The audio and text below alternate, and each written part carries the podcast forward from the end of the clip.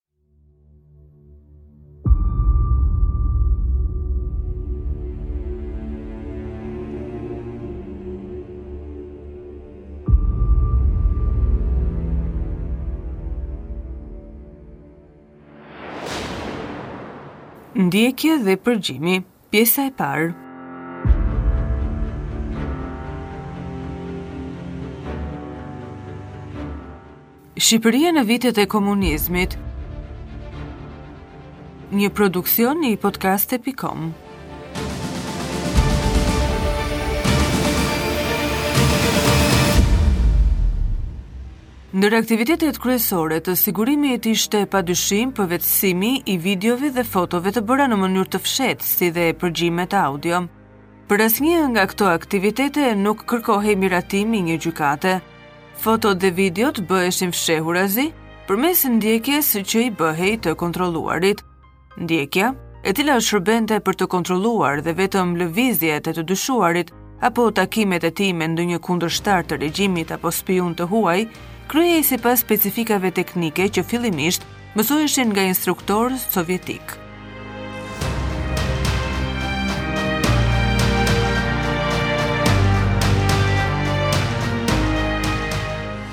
Ndjekja bëhej nga punonjësit e sigurimit të quajtur edhe punëtorë ilegalë ose nga agjentë operativë të tij. Për të siguruar suksesin e operacioneve, sigurimi përdorte mjete të shumta maskimi dhe teknologji të ndryshme, prodhuar pothuajse gjithmonë në Bashkimin Sovjetik apo në Gjermaninë Lindore. duke përfshirë edhe aparatet fotografike të fshehura.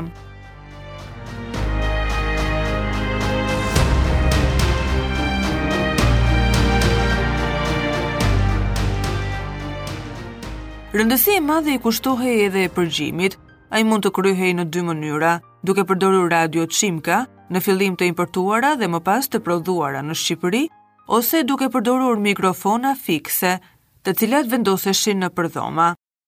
Radioçimkat me dimension rreth katër centimetra ishin në gjendje të transmetonin në një largësi maksimale prej dyqind metrash, prandaj nevojitej gjithmonë prania e një agjenti në zonë që të merrte sinjalin audio që ta regjistronte.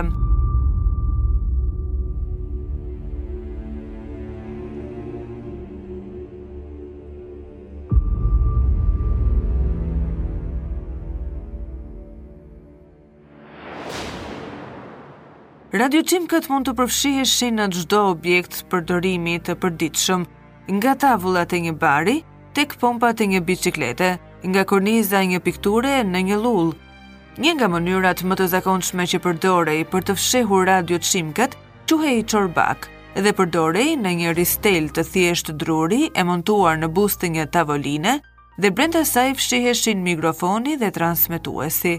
Marrja e sinjalit në përgjithësi bëhej duke përdorur aparate radio normale me tranzitor të modifikuar posaçërisht. Më i përdoruri ishte modeli Rinia, Një radio me tranzitor e prodhuar në Rumani, miratuar nga sigurimi pasi ishte më e lehtë për t'u modifikuar.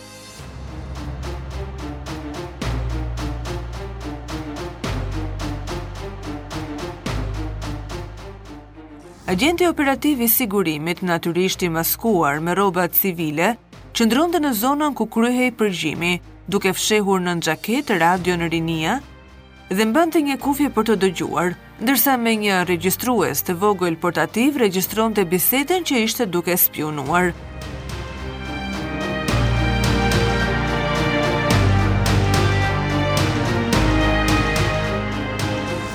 Përveç përgjimeve përmes radioçimkave, sigurimi ishte i specializuar edhe për përgjimet fikse. Ndryshe nga përgjimi përmes radios, Përgjimi fiks nuk shfrytëzonte transmetimin e valëve të radios, por përdorte mikrofona të lidhur me anë të një teli tek një ose më shumë regjistrues. Nëpërmjet kësaj teknike kryheshin zakonisht përgjimet ndaj të burgosurve të huajve të cilët qëndronin në hotele dhe të qytetarëve të zakonshëm të dyshuar për veprimtari armiqësore ndaj partisë dhe për këtë përgjoheshin direkt në shtëpitë e tyre.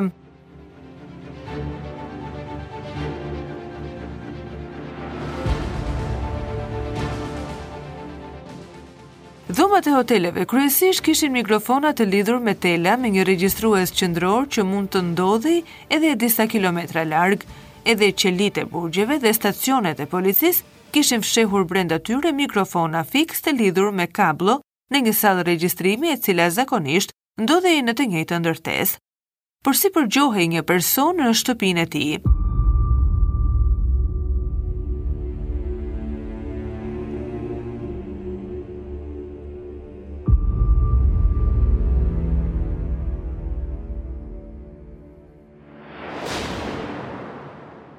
Në këto raste, sigurimi përdorte si bazë shtëpinë e një komshiu, i cili si rrjedhojë bëhej automatikisht bashkëpunëtor, Mikrofoni futej në një vrimë të bërë në murin që ndante dy banesat. Procedurat e instalimit dhe maskimit të mikrofonit në vrimë kryeshin kur në shtëpinë që do të kontrollohej nuk ishte njeri dhe brenda së cilës sigurimi hynte shumë lehtë duke përdorur çelësa të rremë. Në shtëpinë e komshiut bashkëpunëtor vendosej regjistruesi. Sigurimi kishte një regjistër të posaçëm në të cilën shënonte të gjitha shtëpitë e bashkëpunëtorëve që kishin regjistrues aktivë.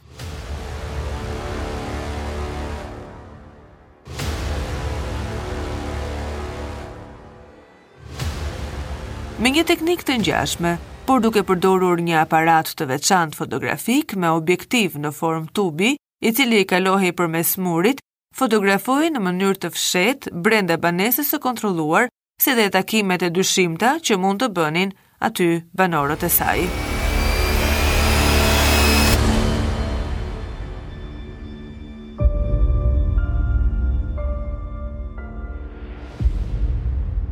Ndoqët ndjekja dhe përgjimi, pjesa e parë.